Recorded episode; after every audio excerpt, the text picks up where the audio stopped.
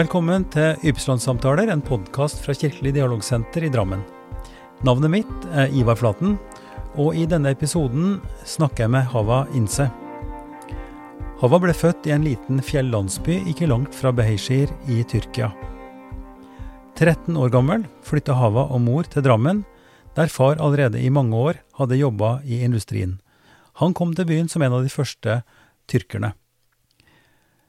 Søstrene var allerede reist etter, og Hava lengta etter å komme sammen med de. Men da hun kom, ble det noen krevende år for den unge jenta. Det var vanskelig å finne ut av språk og nye forhold, og til tider ønska hun seg tilbake igjen til det frie livet i landsbyen. Da er jeg glad for å ønske deg velkommen, Hava Inche, hit til podkaststudioet på arbeidsværelset mitt. Tusen hjertelig takk. Det er en ære å være med. Eh, det som jeg først har lyst til å prate litt om, det er jo eh, om bakgrunnen din. Eh, jeg vet jo så klart at du er fra Tyrkia.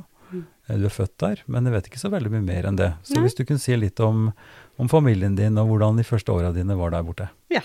Mm. Det kan jeg med glede. Det var veldig fine år. Uh, det må jeg si. Jeg kom til Norge eh, i 2089. Mm. Nei, 2000. 1989. Ja, 1989. Ja, ja. Eh, som 13-åring. Mm. Før det så bodde jeg i en landsby i Tyrkia eh, med moren min og besteforeldrene mine. Eh, faren min var en av de første, faktisk, som kom til Norge, mm. til mhm. Drammen, som arbeidsinnvandrere. Ja. Eh, men det som var vanlig den gangen, eh, var at familiegjenforeningen eh, skjedde litt sånn skånsomt på en måte. Søsknene mine kom én og én, og ikke alle samtidig. Okay. Så når de var ferdig med skolen, mm -hmm. og før de ble 18 år, så kom de til Norge, for da kunne de begynne å jobbe. Ja, for det, det er jobben som ja, var i sentrum? Ja, det var jobben. Ja. Mm. at de også skulle bidra i økonomien. Mm. Eh, så kom søsknene mine før meg, og til slutt så var det bare mamma og jeg ja. i Tyrkia. Og pappa eh, hadde tenkt da at eh, han skulle bli pensjonist og flytte tilbake til Tyrkia og ha et barn i Tyrkia som kunne, forsørge, som kunne passe på han når han ble gammel. Det var liksom planen hans. Så det var, så det var ikke planen. Planen var ikke å, at jeg skulle komme til Norge. Nei. Men uh, jeg husker at jeg Det var veldig tungt å leve uten uh, familien. Ja. Jeg savnet uh, søsknene mine, jeg savnet ja, å være en familie. Ja. Og men, masa ma veldig mye. Skrev brev. Den gangen så var det ikke noe sosiale medier eller nei. WhatsApp eller hva det nei, nei, er. Så det var brev. jeg skrev brev, brev hver eneste dag. og og, og, fortalte hvor elendig jeg hadde det i hjemlandet, og hvor mye jeg ønsket å komme til Norge for å være sammen. Men var du helt aleine der? Jeg hadde moren min, ja. og besteforeldrene mine døde, var døde. Ja. Så det var bare mor og, jeg, mor og meg, og det var uh, veldig ensomt. Ja. Si litt om landsbyen din. Er dette i Konje-området, eller hvor, hvor Ja, det er, det er, i sånn grenseland. Eh, vi bor oppe i høyden. Alle vet jo hvor antallet er. Ja. Og helt opp på toppen på fjellet så eh, var det landsbyen vår. Det er eh, på grensen mellom Konya og Antalya, egentlig. Mm. Så det er veldig spennende, veldig fint. Beskriv hvordan det ser ut. Hva slags hus? Er det mange hus? Er det moské i ja, midten? Altså, fortell ja, litt om du, dette ser ut. Det, det, som var veldig spesielt, da, når jeg bodde i den landsbyen, så virket den landsbyen så stor. Mm. Og jeg syns skoleveien var altfor lang, og det var stor avstand. Men når jeg besøkte landsbyen min eh, for en uh, stund tilbake, så var det bare noen eh, hundre meter til skolen, så jeg skjønner ikke eh, hvor, hvordan jeg at, Hvorfor jeg mente at skoleveien var så Altså trappe, trappene til huset vårt. Mm. Jeg syns det var så mange trapper at det aldri tok slutt. Det var bare tre-fire trappetrinn, så jeg skjønner ikke hvorfor det var sånn. Jeg husker Eh, Barndommens målestokk er ja, forskjellig fra, ja. den voksne. Så den landsbyen vi bodde i, den befant seg på en sånn fjelltopp, egentlig. Med masse stein. Det var oppå, akkurat som Bragernesåsen, på en måte, da. Mm -hmm. Det var Det er ikke noe åker du kan uh, eller jord du kan dyrke. Nei vel. Eh, Det er lenger ned i Ja, du må, da må du et Så hus, stykke. huset var samla i en, Ja. i en klynge, en en landsby? topp. På en topp, ja. Og så dro man ut for å Ja. dyrke Mm, marka si? mm. Mm. Så, så det var veldig steinete, veldig det, det var ikke så mange Det var ikke noe lekepark eller eh, sånn flate arenaer hvor vi kunne utfolde Nei. oss. Bratte gater? Bratte gater, eh, bratte oppover Ja, eh, stigninger. Mm. Eh, så vi hadde et hus midt i en sånn kryssvei, da. Mm. Og så var det en mosk Moskeen var bare noen hund, ja, kanskje 100 meter, og det Jeg husker at jeg blei vekket av øh, eh, morgen, morgenbønnen. morgenbønn. øh. Ja, Muezzin som Ja. ropte til bønn. Mm, mm. Og det, det er det jeg husker sterkest fra barndommen min. At jeg, det var det som var vanlig å bli vekket opp til. Det var Mm. ikke noe vekkerklokke. Eh, det var enten hønene eller hanene som Men, men var det altså sånn i din familie at, at den, det kall til bønn var noe som dere responderte på? Hadde dere, Ja. eh, seremonier hjemme, eller dro dere til moskeen, eller hva, hva skjedde? Bestefaren min eh, dro til moskeen, så det Ja, for det var Og menn som alle mennene egentlig tidlig på dagen eh, dro til moskeen. Det var en Det var sånn folk starta dagen sin. Mm. Ja. Eh, og etter det, og til han kom hjem, så lagde mamma frokost, Mm. og så startet dagen. Ja. Det, det var egentlig veldig grei, veldig greit. Mm. Men damene, vi, vi dro ikke eh, Nei. til moskeen til, eh, til morgen, eller Nei. til de andre bønnetidene heller, egentlig. Nei. Så mm, Enn skolen, da? Skolen, det var uh, veldig uvanlig faktisk for jenter å uh, fortsette etter femte klasse. Ok. Etter femte klasse så var det ungdomsskolen. Mm.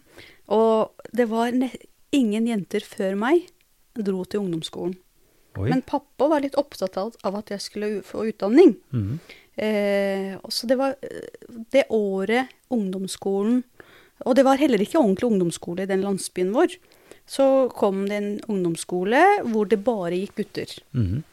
første året. Og så var det tre jenter eh, som meldte seg Mhm. eh, for å gå på ungdomsskolen, og jeg var en av de. Mm. Og hun andre eh, hadde også far som bodde i Norge, så det var kanskje eh, en kulturendring der at de, De som bodde i. Norge, Mm. eh, skjønte kanskje hvor viktig utdanningen var.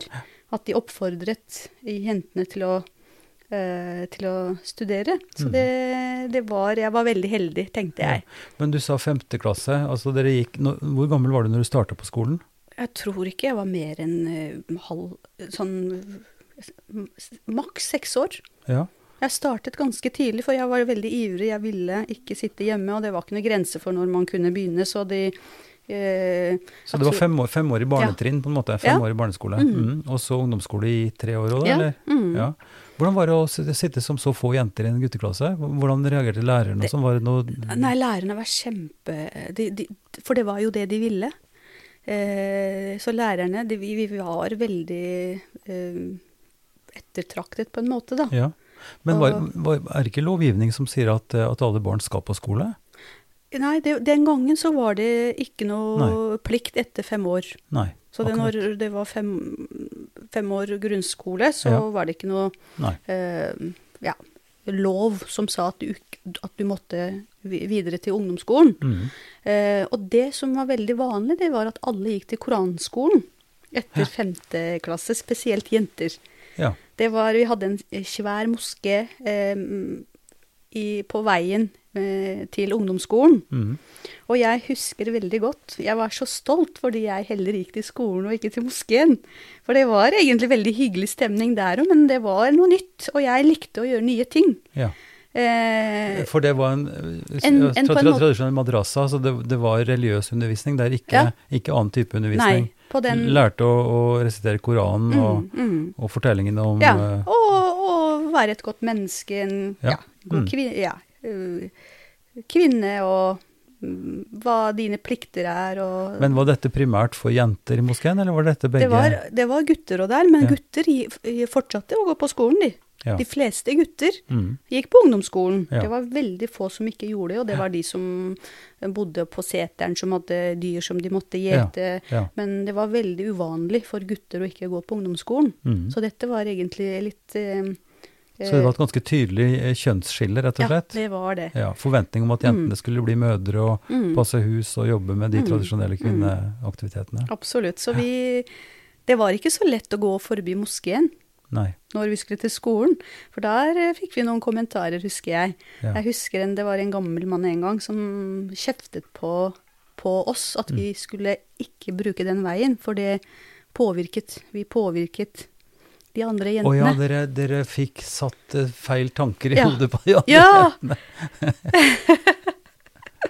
Men det betyr jo at du, du var Altså, ok, faren din, eh, faren din var viktig for han støtta deg på dette, men, men du var jo også da sånn litt foregangsperson. Eh, du var Ubevisst. Ja, fordi at, men du hadde lyst, og du syntes det var morsomt. Og, Jeg syntes det var kjempemorsomt. Ja, og det ja. at jeg lærte engelsk, for eksempel, for det var også engelsk i det på ungdomsskolen, det var så spennende. Jeg syns eh, jeg, jeg husker at jeg gikk og prøvde å finne stoff om engelsk og ville så. Eh, så jeg hadde en, en tanke i hodet om at landsbyen var ikke et sted jeg kunne fortsette å bo. Jeg måtte ut i verden. ja. Den tanken husker jeg fortsatt, at jeg måtte lære engelsk. Jeg mm. måtte ut i verden. Jeg måtte utforske hva som fantes utenfor landsbyen. Mm, For det hadde vi ikke noen mulighet eh, Det var sjelden vi tok en tur til, ned til byen. mm. Og hva Og- var byen? Nærmeste Det var? Beishehir. Beishehir, ja. Og, Mm. da, ja, og jeg var faktisk en av de mest heldige, for pappa sendte penger. Og det var ikke noen bank i landsbyen, så vi måtte kjøre med buss, som gikk kanskje en gang i uka, ned til eh, Beishehir. Og hvor langt er det omtrent? Det, time, det var veldig dårlige veier den gangen, så Ja. det varte kanskje litt lenger. Men nå er det tre kvarter. Men før tror jeg det var, Ja, eh, ja. gam, det var gammel buss. Mm. Så det tok kanskje to-tre timer til og med. Så du hadde på en måte den erfaringa også at du, du, du hadde kontakt med den store verden, Mm. eh, for du visste at pappaen din var på andre sida av jorda, liksom, eller veldig Mm. langt unna, og du kunne hente penger og Ja. eh, men, men på hvilket tidspunkt fikk du den eh, forståelsen at det var forventa at du skulle være hjemme og forberede liksom hans pensjonisttilværelse? Det, hørtes, det høres jo ganske eh, på en måte brutalt ut. Jeg tror hans tanke var at jeg skulle øh, Jeg tror ikke han tenkte at jeg ikke skulle få gå på universitetet, Nei, nei. men uansett at jeg skulle Mm. bo i, Norge, i, i Tyrkia, Ja. og ikke kanskje i landsbyen. Mm. Eh, Men eh, det var sikkert eh, Jeg hadde sikkert tanke om å bo i Beishehir, f.eks., Ja, hvor ja. jeg hadde mulighet for å, for å både jobbe og ta meg av eh, foreldrene mine, da. Mm. Det tror jeg var planen. Eh, Men sånn ble det ikke. Ble dette en, var det en konflikt mellom dere?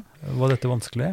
Eh, nei, det var også veldig mye press fra søstrene mine spesielt. Eh, at vi skulle komme til Norge. For de var også i Norge, og de mente at eh, jeg fortjente også å komme til Norge siden de andre hadde fått den muligheten. Mm. At det ville vært urettferdig, for det var uh, usikker framtid.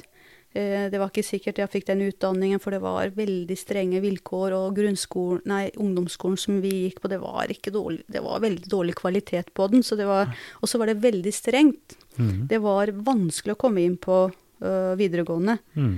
Uh, og de ville ikke at jeg skulle uh, oppleve å stå utenfor, så de presset pappa for at han skulle eh, ja, sende visum, tror jeg vi kalte det. Ja, ja. Mm. Eh, så det. Men jeg husker at jeg sendte flere brev, flere hundre kan man kanskje si. ja. Jeg skrev brev hver dag og leverte, gikk og leverte til posten. Og så til og med så hadde jeg sånn Jeg tok vann. og så dryppet jeg på brevet, og så sa jeg dette er øh, tårene Jeg mine. gråter, jeg gråter. Jeg gråter hver eneste dag. Hvit løgn. Men jeg var trist, det var jeg. Ja. Det må jeg si. Men uh, En bra, bra satir, da. Den førte Ja, fram, det, tydeligvis. det, kom, eh, det førte til eh, at vi, vi kom til Norge til slutt. Ja.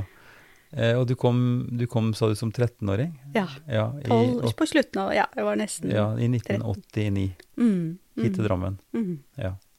Det var stor kontrast. Hvordan var møtet ditt å komme fra den lille landsbyen på fjellet til, til den Ja, det er jo ikke akkurat noen storby, men eh, det er jo en, i hvert fall et bysamfunn. Mm. Det var uh, veldig urbant, da. Det var jo blokkleiligheter overalt. Ja. Mens i min landsby så var det bare én eller to etasjer, og det, i første etasjen så var det fjøs, og andre etasjen så var det uh, Såpass, ja. Ja, og vi, vi hadde, jeg hadde ikke sett eh, mangeetasjers hus. Så, så dyr og folk bodde i samme huset? Ja, det var det vi hadde. I Ja. hvert fall. Det var veldig vanlig. Ja, Eh, for da fikk du også varme. nettopp. Ja, Så. Og så var det veldig bærekraftig òg, at du ja, ja slapp å. Ja, du, brukte ikke sant, eh, restene av dyra til, å- til opptenning. ja, ja, ja. Og det var veldig for, store fordeler ved det, da. Men dette er jo en, eh, en boform som er urgammel. Altså Ja. dette er jo virkelig, virkelig Mm. lang, gammel tradisjon. Mm. Eh, som, som du sier har både med varme å gjøre. Det var kalde vintre helt sikkert, i fjellet der. Mm, det var veldig kaldt, for Ja. det blåste veldig Ja. mye. For det var på toppen av fjellet, så det eh, Men hva med altså, sånn som elektrisitet, lys og, og kokemuligheter Ja, og sånne ting? du- Hvordan var det? Vi hadde Vi fikk vann i huset eh, et par år før vi kom til Norge, faktisk. Mhm. Før det så måtte vi gå og hente vann, og det var ungenes ansvar. I brønnen, ja. I brønnen. Mm. Eh, så jeg skjønner, og så har jeg vært og besøkt den brønnen i Ja. etterkant. Det, var, det så så farlig ut. Jeg skjønner ikke hvordan foreldrene lot oss gå dit. Nei, og det var skikkelig åpen. sånn knirkete, det var ikke ordentlig opplegg heller. Det var eh, Men jeg følte meg aldri utrygg. Eh, Men hvordan henta dere vann? Dere brukte Ja, vi- veiv og så heisa bøtter og sånt? ja. Mm. Vi hadde en tau, en bøtte, så vi bare sank tau- tauet med bøtta Mm. i og dro opp vannet. Og det var, ikke, det var ikke mye vi fikk med oss. Men vi måtte ta flere runder, for vi, det velta. Det var eh, Vi lekte på veien og sølte vannet, så det var eh, eh, Vi Ja, måtte men- flere runder. Men, men det er interessant, fordi det her er jo noe som vi forbinder med veldig fjern historie. Eh, at, og, og kanskje hvis vi tenker på, på land som eh, ja, afrikanske land, eller, eller hvor, hvor det er liksom Men- veldig veldig fattigslig med jordhytter og bla, bla. Hvis du drar til den landsbyen nå, så er det nesten som Drammen. Ja. Mm. Det er eh, litt stor utvikling, Ja. og det er takket være de eh, tyrkerne da, som fikk den muligheten eh, her i Drammen. Mm. Så de investerte i sitt hjemland og si, si, ja, landsbyen sin, da. Mm. Så de fleste har eh, veldig fine leiligheter der nå. Mm. Ja. ja. Nei, men det er fascinerende at du har opplevd altså du har Og elektrisitet hadde vi heller ikke i min Nei. barndom. Jeg, og det, og det, det kom uh, når jeg var fem-seks år, men det var veldig sjelden at det øh, gikk i orden. Ja. Det var ofte at uh, vi mistet uh, strømmen, Mm. og da brukte vi gasslampe. Det var Ja. veldig vanlig å bruke gasslampe, og så hadde vi utedo. Mm. Vi hadde ikke toalett inne. Nei. Så det Altså det er jo, ja, Vi sier at det er fjernt. Vel, fjernt eh, Jeg vokste jo opp på en, eh, på en gammel gård i Oppdal.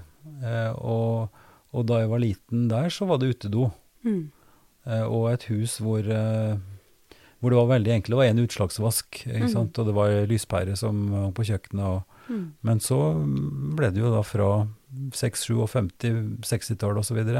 utbygd og restaurert. og mm, eh, så, så, vi har jo en tendens til å glemme mm, rett og slett. Altså, når vi ser tilbake, så vi, vi liksom tolker jo ofte den, den virkeligheten vi har nå, som standarden, og at sånn Mm. hadde vært. mm.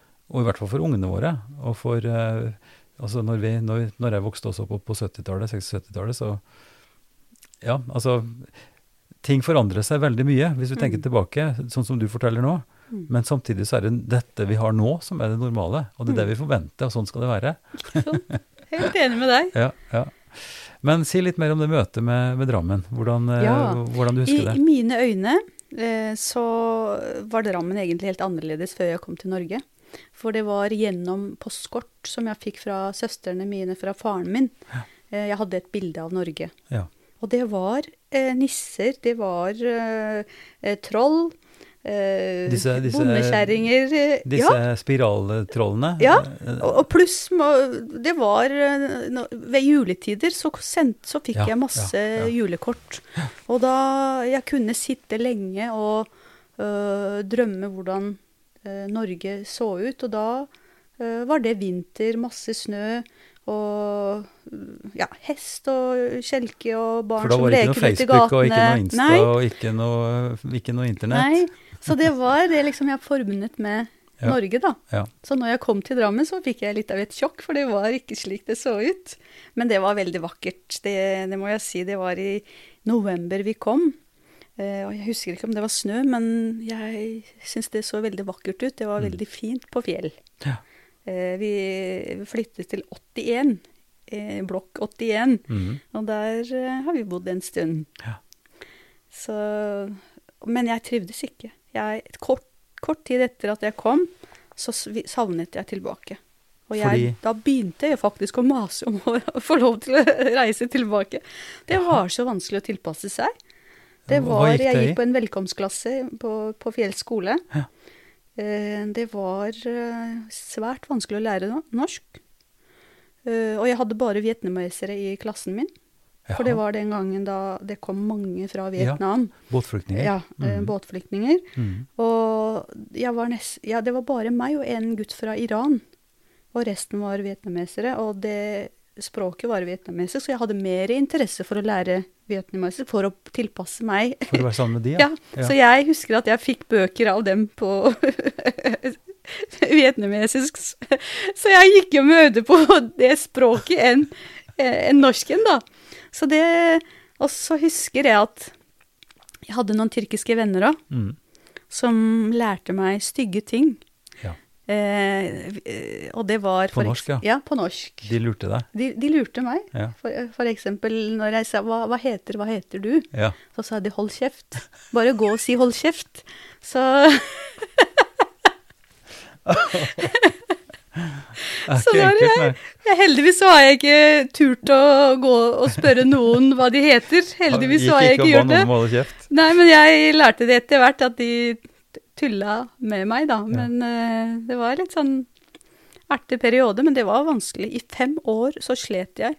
Mm. Jeg syns det var grusomt, men det var også mange andre ting. For mor og far klarte ikke å leve sammen. Uh, det var stor kulturkrasj. Mm.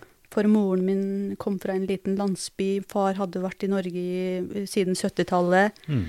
uh, i 20 år. Mhm. Eh, og vant til eh, Ja, hadde tilpasset seg mm. eh, den norske kulturen Ja. i større grad, mens mamma eh, ble bare for, for henne så var det et fengsel hun kom til. Ja. For det, det å bo i blokk, det var i seg selv eh, eh, ja, stor utfordring å pa tilpasse seg. ja. For hun savnet eh, dyrene sine, hun savnet hagen sin hvor hun dyrket grønnsaker. Ja. Så hun hadde det ikke bra. Hadde alltid, hun var ofte syk, husker jeg. Mm. Og aldri blid og Hm. eh, glad. Sånn som da hun var i Tyrkia. Jeg husker at hun var kjempesliten. Hun jobbet døgnet rundt. Ja. Men eh, jeg husker at hun hadde optimisme i seg og, Ja. Og sto på. Og var stolt av å mm. forsørge familien eh, uten at faren min ja. Hun klarte seg eh, sjøl. Ja. Men det ble total endring Mm. når hun kom til Norge. Hun ble plutselig en som måtte passes på, som ikke visste hvor hun kunne gå og kjøpe brød. Hun klarte ikke å gå til butikken alene, og, for det, hun var så redd for å gjøre feil. Ja. eh, Ikke visste henne prisene.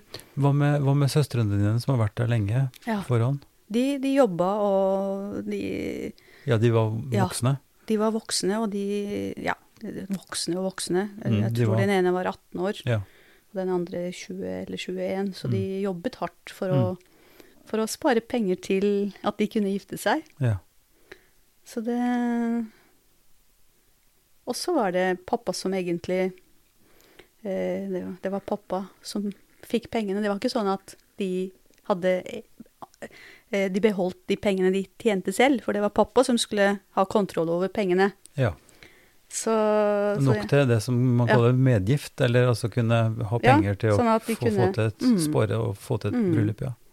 Så etter Jeg, jeg tror si- si- ikke eh, pappa og mamma har vært gift mer enn to år, faktisk. Etter at de kom til Norge, så ble det skilsmisse. ja. Mm. Det betyr at hun flytta Eh, Jeg og henne flytta til en leilighet Mhm. eh, ja, eh, Ja. på Stjerneblokka. Jeg Ja, det var ja, ja, 120. nettopp. Mm. Men eh, eh, la meg spørre, jeg vet ikke om du vil si så mye mer om det, men en kunne kanskje tenke at, at det var flere kvinner som var i samme, i samme situasjon? Altså som, eh, som kom fra Tyrkia Mm. og, og nå, nå snakker vi jo om, om henteekteskap, ikke sant. Mhm. Noe av det samme problematikken der, der folk kommer fra en, Mhm. en helt annerledes kultur og inn, inn hit, og må lære seg hvordan en skal leve i, mm. i et norsk samfunn. Men, men en vil jo da forvente eller si eller tenke at her er det noen miljøer som gjør at det er andre som har kommet før, og at man kan støtte hverandre, og, og at det kanskje også kan tenkes som en, som en liten brems for integrering. Da, at at Mm. man, man går i en gruppe som bare snakker tyrkisk, Mm. f.eks., eller Mm. somali, eller hva det er. Ja, det, det, Eh, var det, det var den gangen. Eh, da, ja, det, folk var veldig eh, sammensveisa. De, var, eh, de tyrkerne som bodde på fjell, de, de var nesten sammen eh, hver kveld. Det Ja. var veldig mye besøking, det var Mm. veldig mye samhold. Ja. Eh, så de støttet hverandre både økonomisk, men også eh, ved å være Følelsesmessig og ja, sosialt. Ja, mm, Mm. Så, og så hadde vi en moské, eh, ikke på fjell, men nede i sentrum, da, som vi ofte dro til og Mm. møtte de andre Mm. eh, tyrkerne. Men det var ingen snakk om integrering eller inkludering den gangen. Det var null satsing på det. Nei. Så det, vi levde i vår, ja, i egen, egen verden, for å si Mm. det sånn. Og det var ingen norske i livet mitt til jeg begynte på videregående, faktisk. Nesten. Så du kunne, du kunne bruke ditt tyrkisk, du kunne snakke med folk, du hadde Mm. venninner og, og, Mm. og folk som du kunne være sammen med Ja, eh, i de årene. det, det hadde jeg. Det Mm. var litt sånn kulturkrasj der òg, for jeg følte at de ikke helt skjønte, skjønte meg. Eh, for de snakka norsk sammen, Ja. eh, selv om de eh, var tyrkere, og jeg skjønte ikke helt hva de sa. Ja. Så når de lekte Ja. sammen, ja. de andre eh, som hadde bodd her i Norge lenger enn meg, de, så jeg følte meg ikke tilpass, da. Jeg følte meg litt sånn ut, utafor. Mm. Uh, og det Men Ja. eh, eh, dette er ganske interessant. Eh, På en av de tidlige podkastepisodene så snakka jeg med en veldig hyggelig dame som heter Kay Westeng, mm, eh, som kom til Norge veldig ung. Gifta seg med en nordmann. mm, Eh, kom fra Manchester og til, til Drammen. Eh, og for henne så var det helt livsviktig at hun da hadde et lite nettverk av en fem-seks engelske kvinner som hadde kommet til Norge før. Og de hadde sitt eh, Du kan jo høre på den podkasten, men, men Kay forteller at de hadde et fellesskap i, i, eh, i kirka. Altså de hadde en liten avdeling av, eh, av Church of England eh, hvor de var sammen. Og de damene kunne hjelpe Kay da til å mm. og fortelle om hvordan ting var, og, og hjelpe til å komme til Mm. butikker, og altså, Ja. og, som du skjønner, alle disse tingene der. Mm, Men, men det spesielle der var vel kanskje at de damene da var gift norsk. mm? Så de var inne i en type norsk familie, eh, og var veldig langt hjemmefra og alt mulig sånt noe. mm, Mens situasjonen til din mor og de første tyrkerne var at de, de kunne lage en slags mm. eh, gruppe som da ikke i samme grad var interessert i å knytte seg til det norske, kanskje. Mm. Men det var heller ikke noe interesse fra eh, det, storsamfunnet om å eh, knytte noe kontakt heller. Det var eh, ja, ja, faren min jobba, og det gjorde søstrene mine òg, liksom. Men utover det så var, hadde vi ikke noe kontakt med, med storsamfunnet, egentlig. Og det sånn skal, Hvis vi skal se på det fra et sånn folkehelseperspektiv, så tror jeg det gjorde veldig Det, det var veldig bra at eh, det var et godt samhold. Ja, så klart. Eh, for ellers så hadde nok mamma eh, hatt det veldig dårlig psykisk. Så Mm. det å få at noen banket på døra midt på Ja. dagen og kom og besøkte og spurte hvordan hun hadde det, at hun hadde noen og hun kunne gå til butikken med, Ja. som forklarte at dette er hvetemel og dette er sammalt. Helt, helt ikke nødvendig. Ja, Det, det var eh, Det var ikke bare bare. Nei. Så det var eh, Men eh, Så vi har kommet langt siden da. vi har kommet et stykke, det er det ingen tvil om. Um, altså det, jeg, jeg kan ikke si overrasket, men jeg syns det er interessant det du sier om at det tok så lang tid for din del. Altså at du til og med Mm. da satt eh, i den tyrkiske landsbyen og drømte deg Mm. bort til Norge og forlangte med hundrevis av brev og tårer på brev og, Mm. for å komme hit, og så gikk det ikke lang tid før du Mm. ønska deg tilbake. Mm. Eh, Og hvis du da skal prøve å destillere ut, hva var det som gjorde at du da ville tilbake? Hva var kvalitetene Mm. i det du hadde mista? Det var vennskap. Det var eh, at jeg var så fri.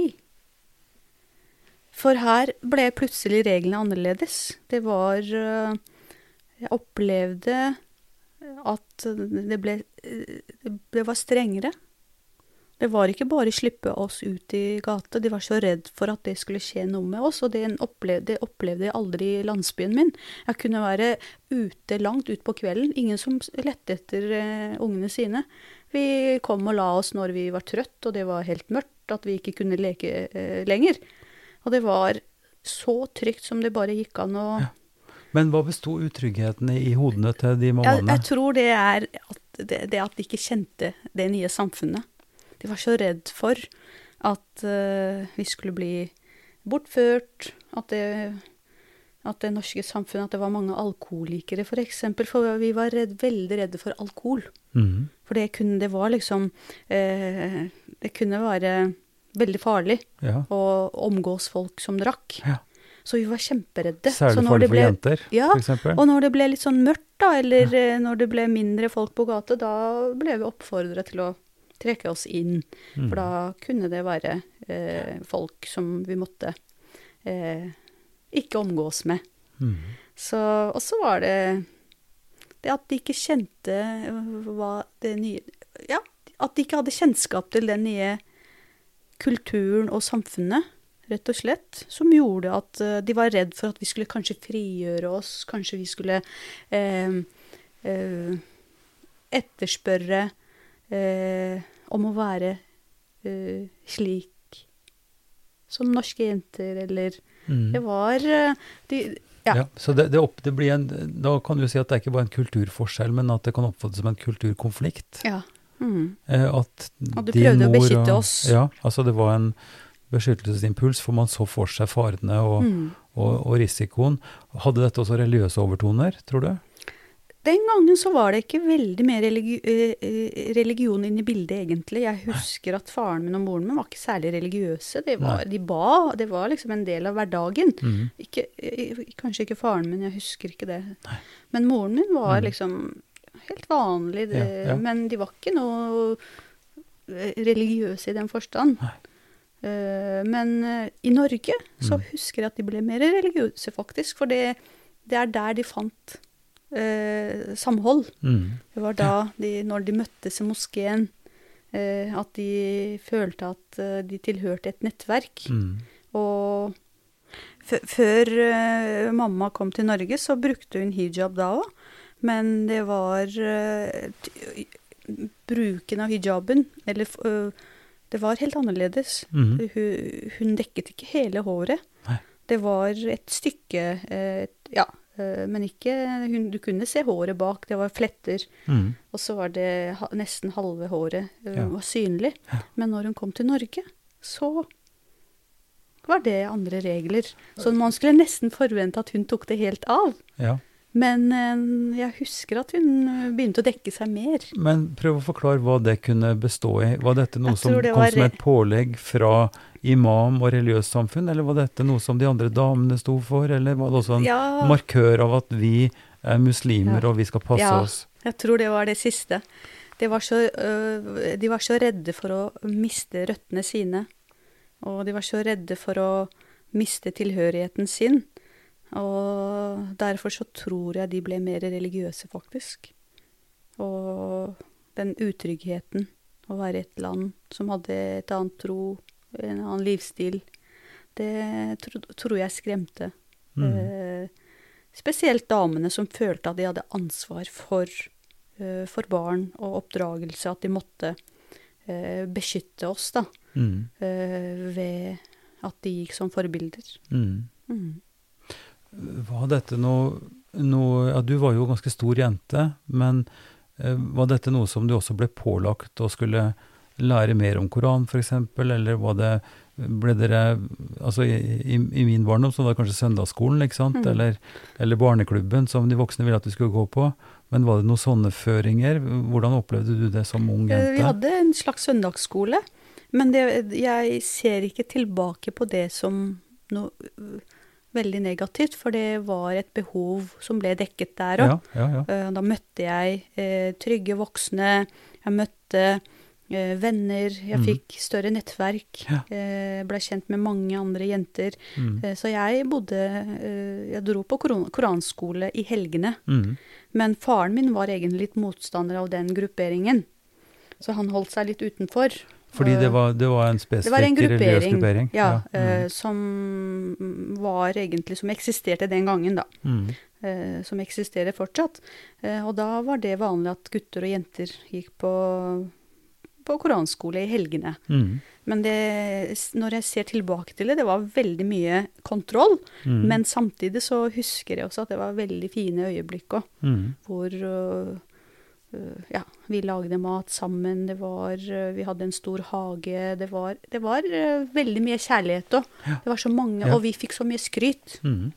At vi var så flinke et, eh, eh, et At vi var prøvde å liksom ta vare på religionen i Ja. et land Mm. eh, som ikke var eh, et islandsk land, da. Mm. Mm. Så vi fikk mye skryt, og vi fikk mye oppmerksomhet, og det gjorde at vi ville ble enda mer religiøse, egentlig, for det var da, Mm. der vi fikk Og, og, det eh, bli, oppmerksomheten. og det å bli mer religiøs, hvordan vil du tolke det nå? Eh, altså for, for religion er jo Kan du si én ting er det du vet, og kognitivt, det du kan om religion. Du kan resitere ting, huske koranvers eller bibelvers og sånt. Og så er det andre aspektet, som er jo praksisen. Hvordan man, Mm. hva man gjør. Altså eh, hvordan man ber, når man ber, hvor Mm. ofte. Eh, og så er det jo hva religion betyr for aktivitet utover. Mm. Det er vel kanskje den siste kategorien der, er den, den som mest vil avsløre hvorvidt man er et Ja. menneske som bryr seg om I kristendommen så sier vi også bryr seg om sin neste eller naboen. Mm. Eh, så det, altså religion er jo ikke bare det at man bøyer seg eh, Men- og, og ber. Mm. Det var veldig mye fokus på at vi skulle skille oss ut. Vi skulle, vi skulle vise tydelig okay. at vi var uh, Muslimer. muslimer. ja. Det, det husker jeg veldig godt, og at vi skulle være veldig stolt av det. ja. Og hvordan skal man vise det? Og ved å gå med hijab Jeg husker at jeg, ja, jeg begynte å gå med Ja. hijab faktisk ja. veldig kort tid etter at jeg kom. Men det gjorde jeg ikke i Tyrkia. Nei. Men når jeg kom til Norge, så var det nesten sånn at jeg måtte det, fordi alle vennene mine gjorde Ja. det. Mm. Eh, de som gikk på den koranskolen, da. Mm. Og at vi ikke skulle ta på ta oss bukser. Det, vi skulle bare gå med skjørt Ja. For å vise at vi liksom Det var de to tingene som var viktigst. Ikke at du ba, men det var også en oppfordring at du skulle be fem ganger, og ja. at du skulle lese Koranen. Men det var disse ytre ja, kjennetegnene? de, var, de ytre kjennetegnene var viktigere. Ja. Det var det. Og der, den eh, Det var Det kunne skape problemer. Ja. For jeg husker jeg ble mobba på ungdomsskolen Mm. eh, på grunn av hijaben. Det var eh, Det, det hendte flere ganger at den ble revet eh, fra hodet mitt, og at de, de bare puttet det under vann. Så Ja. ble den klissvåt, sånn at ikke jeg kunne gå med den, f.eks. Og det, jeg husker redselen for at imamen vår skulle se meg Ja. uten hijab på vei hjem. Ja. Så det, det var eh, så traumatisk. Jeg var så redd for å bli sett. Mm. Det var nesten som å bli sett naken. Så det hendte at jeg ventet på skolen, og venninna mi gikk hjem, hentet en hijab til meg og kom tilbake. Det, det er sånne episoder jeg husker. Men, men prøv å forklare den overgangen fra å, kunne, å, å være fri til å kunne leve som du ville hjemme i landsbyen uten hijab. Så kom du hit og kom i en gjeng, en gruppe. Og i ungdomstida så er vi jo også veldig påvirkelige av venner og miljø og blir Mm. forma, Mm. naturligvis. Men det er et ganske langt skritt ifra å gå uten hijab og føle seg vel med det, Mm. og så bli redd for å bli sett uten. Mm. Uh, og da, da ligger det jo både en Mm. et slags trykk og en, og en redsel for at dette også religiøst sett var farlig, eller kunne gi deg problemer videre. Altså, Mm. jeg har, nå fantaserer jeg bare, men hva hvor, altså, og, og at unger gjør sånt, er jo så klart uh, veldig forkastelig. Altså, men, men unger er jo sånn. Mm. De, de tar jo de tinga som svir mest, og, og, og Mm. rampegutter og jenter, de, de vet jo Mm. hvor det stikker og gjør mest vondt. Sånn er det jo nå også. Mm. Og så var det ikke noen satsing på mangfoldet i skolen eller den gangen. Jeg husker at vi ble sett litt sånn rart på. Eh, for da havnet jeg plutselig en um, På ungdomsskolen så var det mange norske med. Mm. Mens på Fjell på ungdomsskolen, nei, på barneskolen, så var det jo norske med, men jeg gikk på en klasse eh, med kun øh, ja, utenlandske, da. Mm. Og derfor så var det stor øh, veldig stor forskjell. Mm. Og veldig skummelt. Mm. Eh, for de så litt rart på oss. Mm. Følte oss aldri inkludert. Det var stor kulturkrasj. Ja. Og jeg husker at jeg tok av hijaben min noen ganger inne i skolen, men da var det mange som Ja, da opplevde jeg Da følte jeg at jeg ble eh, Det var ikke stygge blikk da. Det, og det gjorde at jeg kunne slappe av litt. Mm.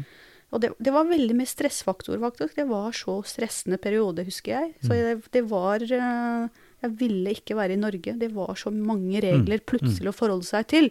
Noe det ikke var eh, da jeg bodde i Tyrkia. Og det var heller aldri eh, Hvis jeg hadde gått på skole på ungdomsskolen der, eller universitetet, så hadde jeg aldri blitt det, det, det skulle ikke være en sak å, å gå med hijab. Nei. For det var egentlig på den tiden så var det forbudt, da. Mm, jeg vet. Ja, ja. Så det, Det var jo et, et av signalene fra den sekulære regjeringa. Ja, riktig. Så at jenter ikke- skulle ikke gå med hijab. Men der er jo bevegelsen gått helt motsatt nå. Mm. Eh, Hvor, eh, ja, ja, det er en lang Ja, det historie. er Det i kommer hvert ikke til. fall eh, større frihet for å gå med det du vil, Ja, tror jeg, ja, ja. i dag enn det det var. Det er nok riktig Mm. å si. ja. Men uh, altså, dette, dette er kjempeinteressant, som du skjønner. Derfor syns jeg det er så morsomt å, å prate om det, uh, og få den historia di på hvordan dette Mm. var. For, for det de fleste her i, i, i byen, og som kjenner navnet ditt, vil jo kjenne deg både fra politisk aktivitet, men også at du har vært veldig tydelig på at du på et tidspunkt tok av hijaben. Mm. Og markerte det faktisk altså med nærmest eh, i offentlighet og i, i avisa. Mm.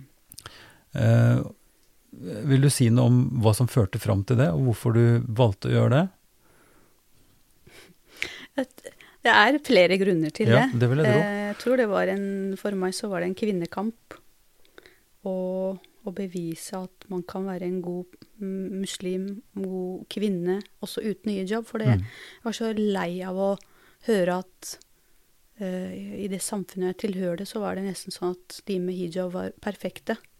At det var liksom det, ide, alle, det, idealet ideale alle prøvde å leve uh, opp til. Ja.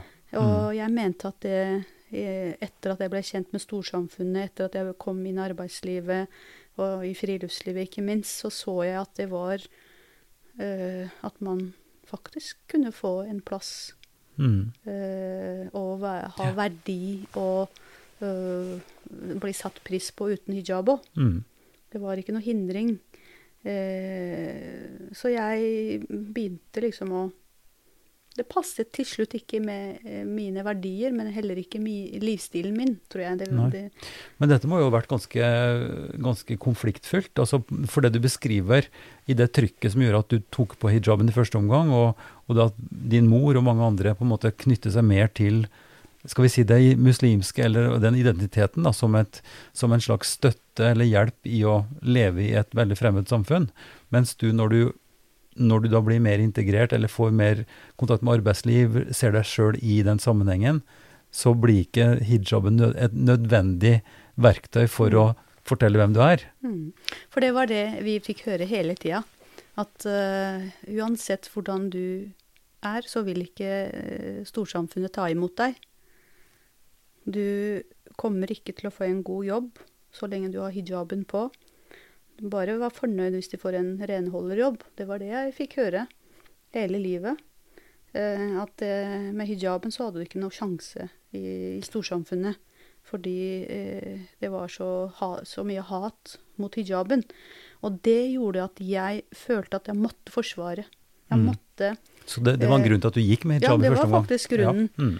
Og det Jeg ville også bevise til slutt at den tanken ikke var riktig. Mm. Ved at jeg kom inn i storsamfunnet med hijaben min, Mm. inn i politikken, at jeg ble invitert av dronningen Mm. eh, med hijaben min, Mm. eh, at hun ble med på tur Mm. eh, med hijaben min. Jeg tror alt dette eh, var for å bevise at det var ikke hvordan de, du ser ut Mm. som avgjør hvor langt du kommer inn i det norske samfunnet, men det er heller din innsats Ja. Eh, og engasjement Mm. eh, som, som gir deg en plass. i- Men, det, men det er jo en, det er jo en, en forferdelig ting å, å mene og tro. Mm, Det er altså at fordi man er bevisst sin tro og går med et, et religiøst plagg, da, som man kan si at hijaben er, at det skal være det som gjør at du ikke blir tatt inn i arbeidslivet.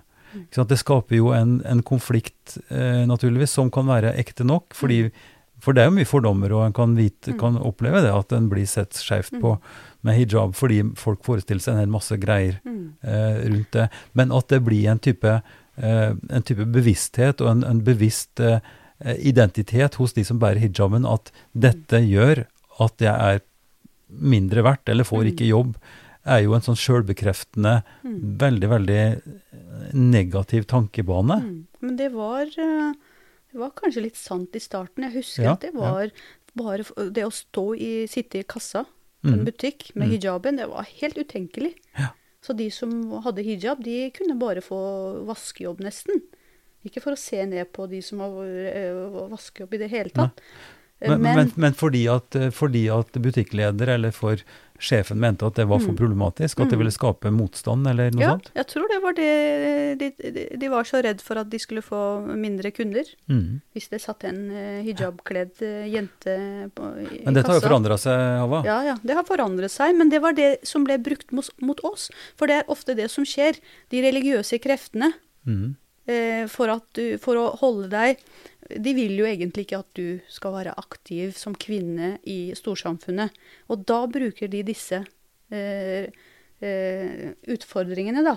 Ja. Eh, Du, og du, du mener at det er en, en, en holdning som er forankra i, i islam? Eller Nei, i, ikke islam, egentlig. Absolutt ikke. i religiøs tro generelt? Jeg vil jo protestere mot det som prest, da. Nei, som jeg, du vet. Ja, jeg, det er ikke det jeg mener. Nei?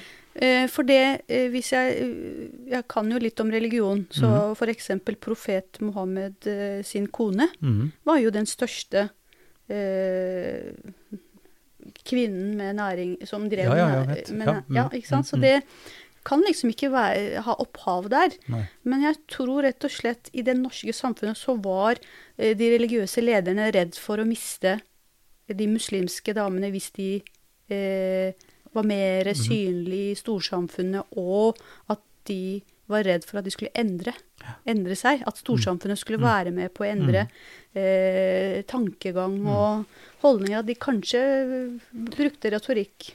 Men dette er jo, jeg er jo litt frimodig og litt frekk når jeg sier at dette liksom eh, kan jeg oppmodere mot, fordi det er jo en veldig tydelig tradisjon også i kristendom. Mm. Helt ifra eh, Det er ikke så veldig mange år siden, 100 år siden kanskje, eller noe sånt, noe, hvor kvinnene satt på en egen side i kirka. Ikke sant? De måtte Mm. gått med skaut i kirka. Mm. Det var, det var Mm. standard. Det var, altså, gifte kvinner skulle gå med skaut. Punktum. Mm. Eh, og så har dette forandra seg, så klart, men fremdeles i, i, i, på bedehus og i, i konservative kristne kretser for en del år tilbake, ikke så mye mer nå, men, men helt tydelig at det var et veldig tydelig skille mellom oss og dem. Mm. Og, og alt fra sminke til å gå på kino eller ikke sant, og, og gå på dansefest osv. var stempla som ukristelig eller noe som var farlig. Mm. Som jeg for min del fikk sterke Mm. råd med å ikke gjøre. Fordi at det ville dra meg ut i et miljø som kunne ødelegge meg. ikke sant? Mm. Som var farlig for min tro og, og min, mitt evige liv, da, til og med. Det, det er jo nesten det samme. Ja. Mm. Mm.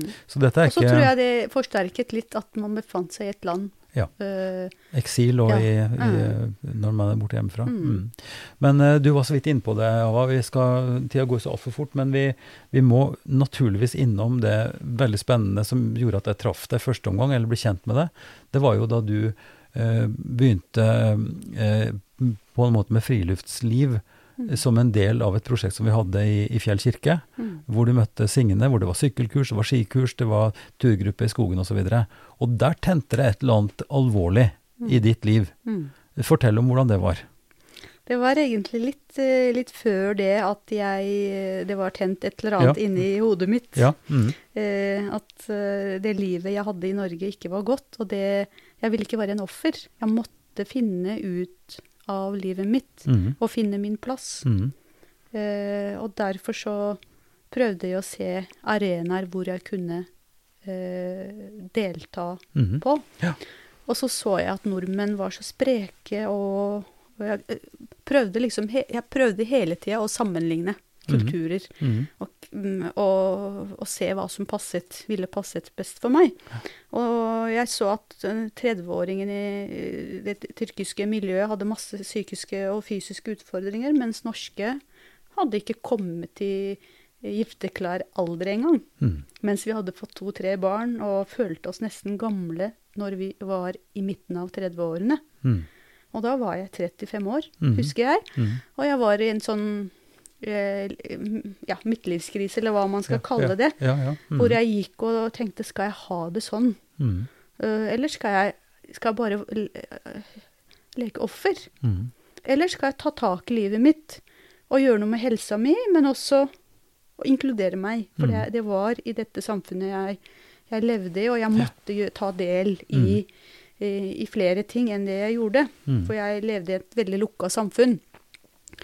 Og det øh, gjorde at jeg bestemte meg for å lære mer om friluftslivet, for jeg så at de som drev med friluftsliv, var hyggelige mennesker. Eh, og at de, var, de så veldig spreke og friske Mm, ut. mm. Og så hadde jeg lyst til å lære mer om norsk kultur, og da var det veldig vanlig å starte med friluftsliv. Mm. Og så hørte jeg veldig tilfeldig at uh, en forening som het DNT skulle holde kurs sammen med Fjell kirke uh, i skigåing. Mm. tenkte jeg at dette er noe for meg, for jeg vil ikke sitte hjemme når det er så mye snø. Nei. Jeg vil ikke bare se ut av vinduet sånn som alle andre. Jeg vil ta del i det. Ja. Så det vekket en stor interesse i meg å Ja. lære å gå på ski. Ja. Og så var det øh, Fikk det en del motstand. Ja, men du med tre barn, hvordan Mm. skal du Det er altfor seint, du må nesten bli født med ski på beina, fikk jeg høre. Uh, det, det, det der klarer du aldri. Du kommer til å eh, brekke foten, og så Og jeg husker veldig godt det mannen min sa. Hvis du brekker foten, så ikke forvent at jeg skal ta av meg barna. Oi sann, såpass, ja. Ja, så det var Men jeg var veldig sta. Så nei, dette skal jeg lære meg, for jeg vil at mine barn ikke skal ekskluderes. Mm. Jeg ville at eh, Jeg ville ikke unne meg unne mine barn min Mm. egen Mm. mm, eh, oppvekst, kan man si, da, eller ja, ungdomstid, som jeg syns var eh, veldig vanskelig. Mm. Med mange regler Ja. og identitetsproblemer, eh, kriser, eh, kulturelle kult, ja, kulturkrasj. Mm. Og det ville jeg ikke at mine barn Og da måtte jeg gå, være et forbilde. Mm. Eh, og det gjorde at jeg ble kjent med Signe og mange andre Ja. eh, som virkelig sto på for at vi skulle lære å gå på ski. Og vi var ganske mange deltakere fra mange forskjellige land.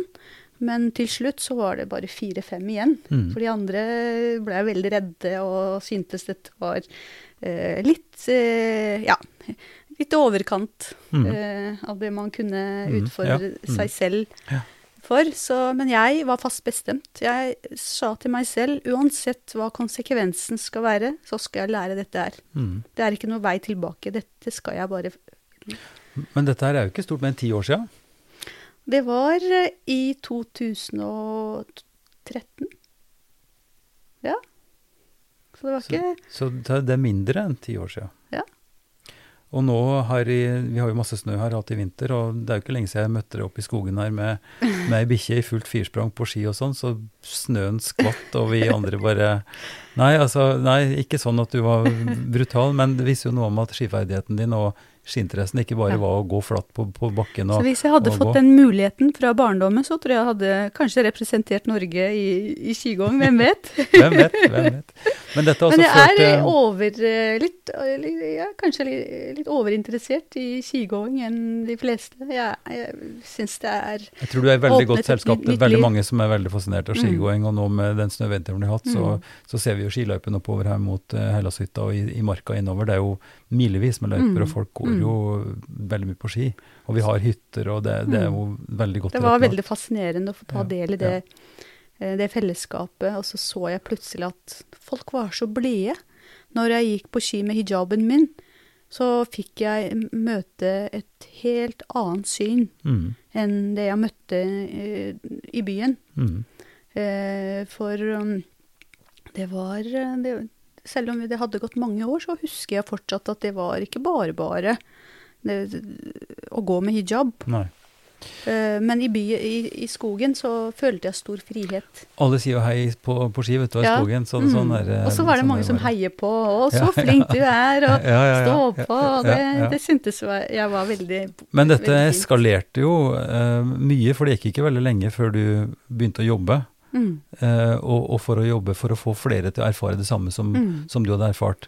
Altså som, som i praksis var jo en, en utvikling fra et, et nokså inn, altså innstengt, da, eller et, Mm. et liv som var begrensende på mange måter, Mm. og som gikk utover både helse, psykisk og fysisk helse, eh, og det sosiale også kanskje. Eh, og dette har jo ført til at du har brakt utrolig mange eh, kvinner og innvandrere ut i, i fri luft. Si, si litt om det. Og, og dette ble på en måte krona med reportasjer og, og sånn når du gikk tur sammen med dronningen Mm. Mm. oppe i marka her. Det var jo helt Det var utrolig. nesten som om jeg hadde funnet en eh, knakk k- eh, Hadde knekket koden mm. for et, eh, et godt liv. Og det vi kvinnefolket gjør når vi eh, finner koden til noe, så vil vi så gjerne invitere andre kvinner med, med på laget. Mm.